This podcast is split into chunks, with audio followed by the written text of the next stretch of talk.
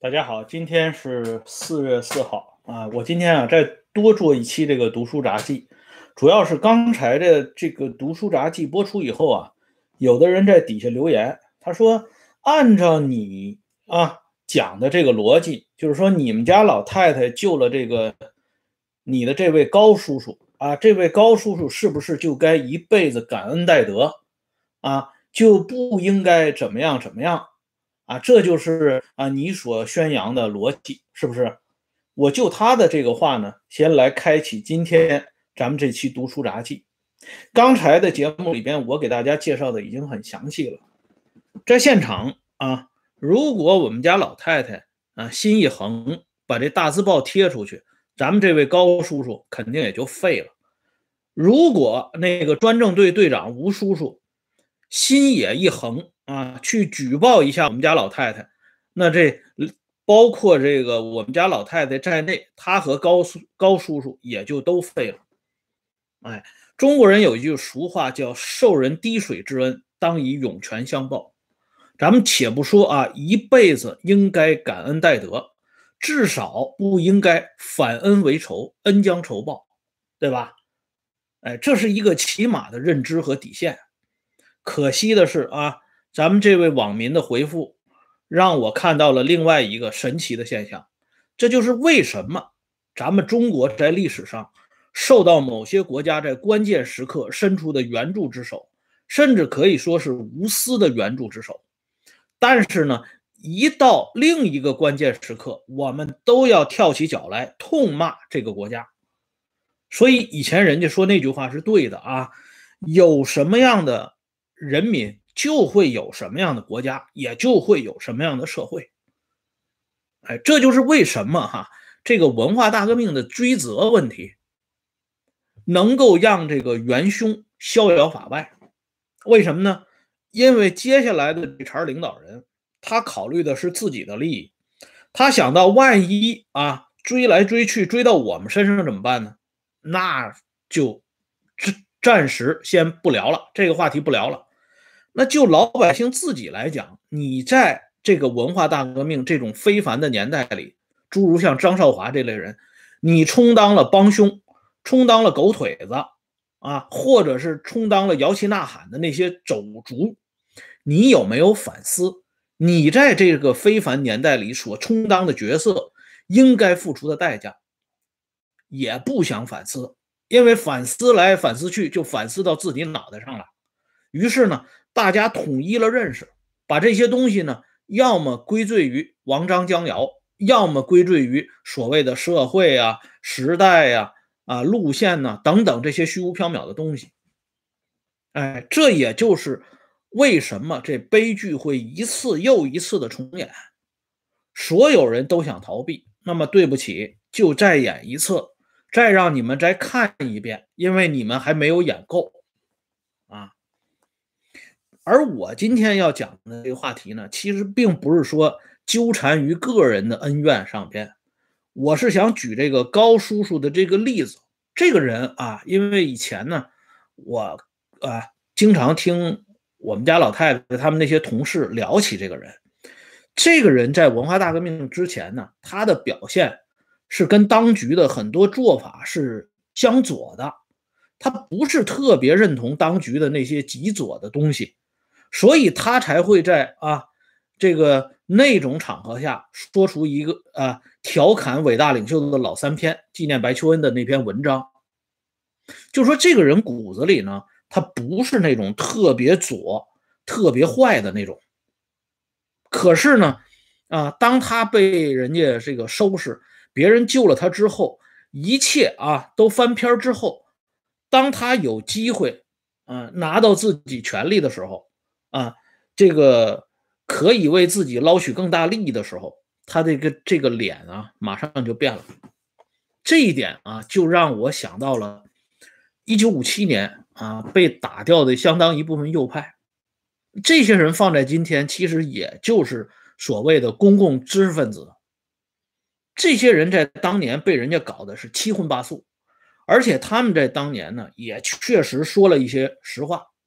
啊，当然，他是以维护这个体制为前提的，说了一些实话。可就因为这些实话，他们遭遇了别人没法遭遇的这个境况，很惨。包括他们写的这些回忆录和回忆文章，我们也都很同情。可是后来呢？当他们啊重新荣耀加身的时候，重返政治舞台的时候，他们摇身一变，成为这个体制最大的歌颂者。你比如说张贤亮这个人，回头我会专门做一期张贤亮的这个电影和小说的话题。张贤亮他们就是一个特别突出的代表。哎，他向大家描绘的那个右派知识分子在改造的过程当中经常出现的那种捡媳妇儿的现象。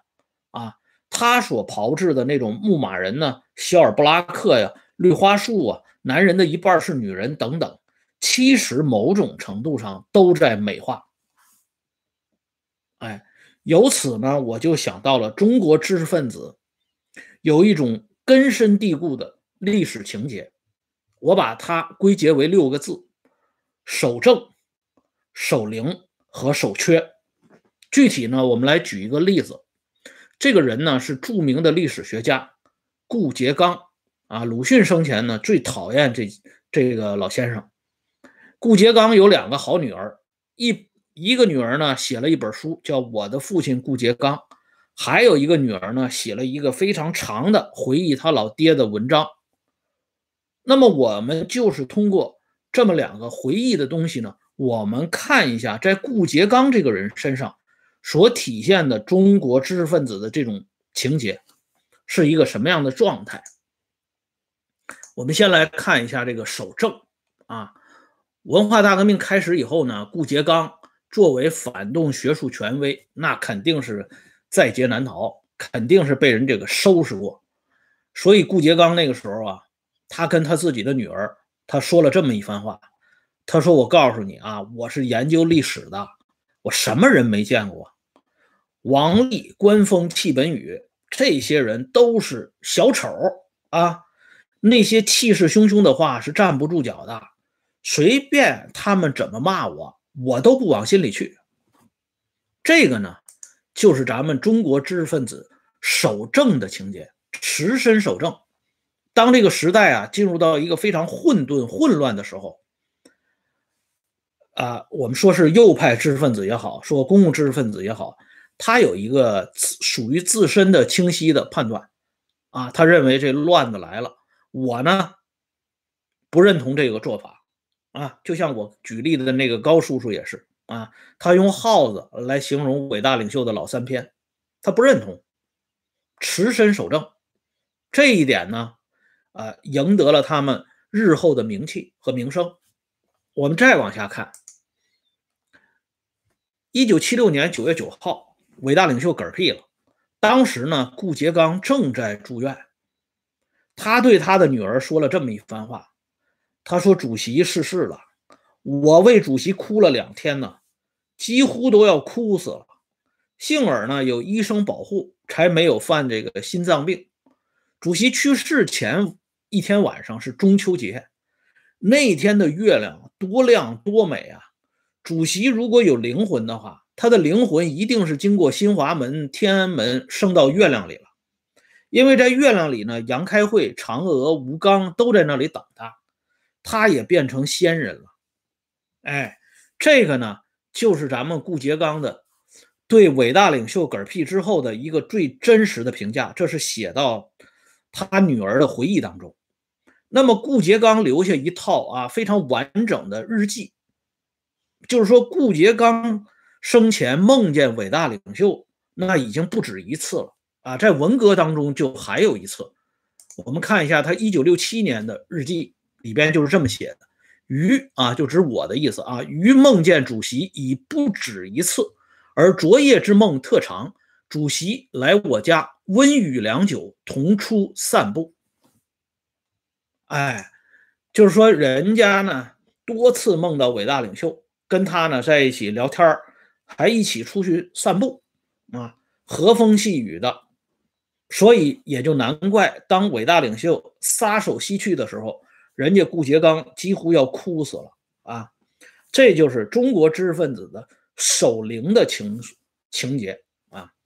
我们再来看第三条，顾颉刚小的时候啊，有人给他算过命，这算命先生说，你要活到八十岁以后啊，你的好运不断啊，那要多好有多好，运气特别的好。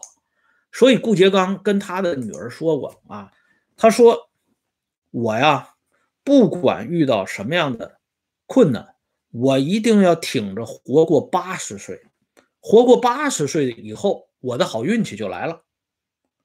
这是研究历史的人啊，他说出这么一番话，非常有意思。所以综合这顾颉刚啊之前的守正守灵，我愿意把刚才顾颉刚的这番言论归结为守缺啊。对于乱臣贼子啊，诸如王观器、王章、江尧，咱们这些知识分子呢，他有一个守正的啊。持身守正，那对于像伟大领袖这样的雄主人君啊，要膜拜守灵；那对于啊那些这个算命的怪力乱神呢，要抱禅守缺。有了这三点，咱们就明白为什么鲁迅会说中国的礼教可以吃人，吃人之后仍旧能够死而不僵，并且呢。总是借尸还魂，这也就是鲁迅当初为什么看不起顾颉刚的原因啊。那么我们再往下看啊，为什么会有乱臣贼子？这持身守正的这些士大夫或者叫相当一部分知识分子，他不愿意去了解啊，他愿意归结到。什么制度啊，等等的，他不愿意触动人心这个最重要的话题，这就是为什么他们老跟鲁迅尿不到一个壶里的原因啊。他们认为，只要有了一个好的社会，有了一个好的制度啊，我们的污点就都没有了。孙立平不也是吗？就是说，好的社会就不会有这么一个堕落的仪式仪式，即使大家都有污点呢，不会这么有仪式感。哎。至于为什么在这种混沌混乱的年代，有的人就敢下死手，死死手啊，有的人还能够独善其身，他不愿意探讨这个问题。第二个呢，当这个雄主人君啊，能够号令天下的人一旦撒手了，那是一定要屁勇嚎啕、痛哭失声的，否则何以称得上持身守正？哎，既无法面对面对乱臣贼子啊，人心变幻，又惑于雄主人君，无奈无聊之际，只能借问天道何在。而这个时候，怪力乱神也就派上了用场。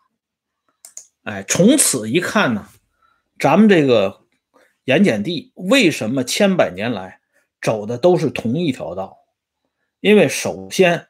作为国魂的啊知识分子群体，有了这种守正、守灵和守缺的历史情节，他就不可能引领多数人走出这个怪圈啊。其实哪个国家都一样，百分之五最重要啊。这百分之五的优秀的人，他会对那百分之九十五的人进行启蒙，启蒙啊，会引导那些人。而这个百分之五的人，如果他们啊总是这种状态的话，那剩下的结局也就可想而知了。所以呢，我记得鲁迅当年有过那么一句话，就是人家问他啊，说你这个人之人之将死啊，你这个有什么话留下没有？鲁迅就说过，说他的怨敌啊特别的多。倘有心事的人问起我来，怎么回答呢？我想了一下，决定的是让他们怨恨去，我也一个都不宽恕啊！这是鲁迅当年留下的这一番话。而我们今天啊，看到如果这个时代、这个社会仍然处在一种混沌不清的状态当中，我们去啊。奢谈所谓的宽大、宽厚和宽恕，要么别有用心，要么就是缺心眼儿啊！只有这两种结果。好了，今天的话题呢，咱们就说到这里。感谢朋友们上来收看，欢迎大家关注温相说时政会员频道，每天都有更新。今天的直播呢，就说到这里，我们明天接着聊，再见。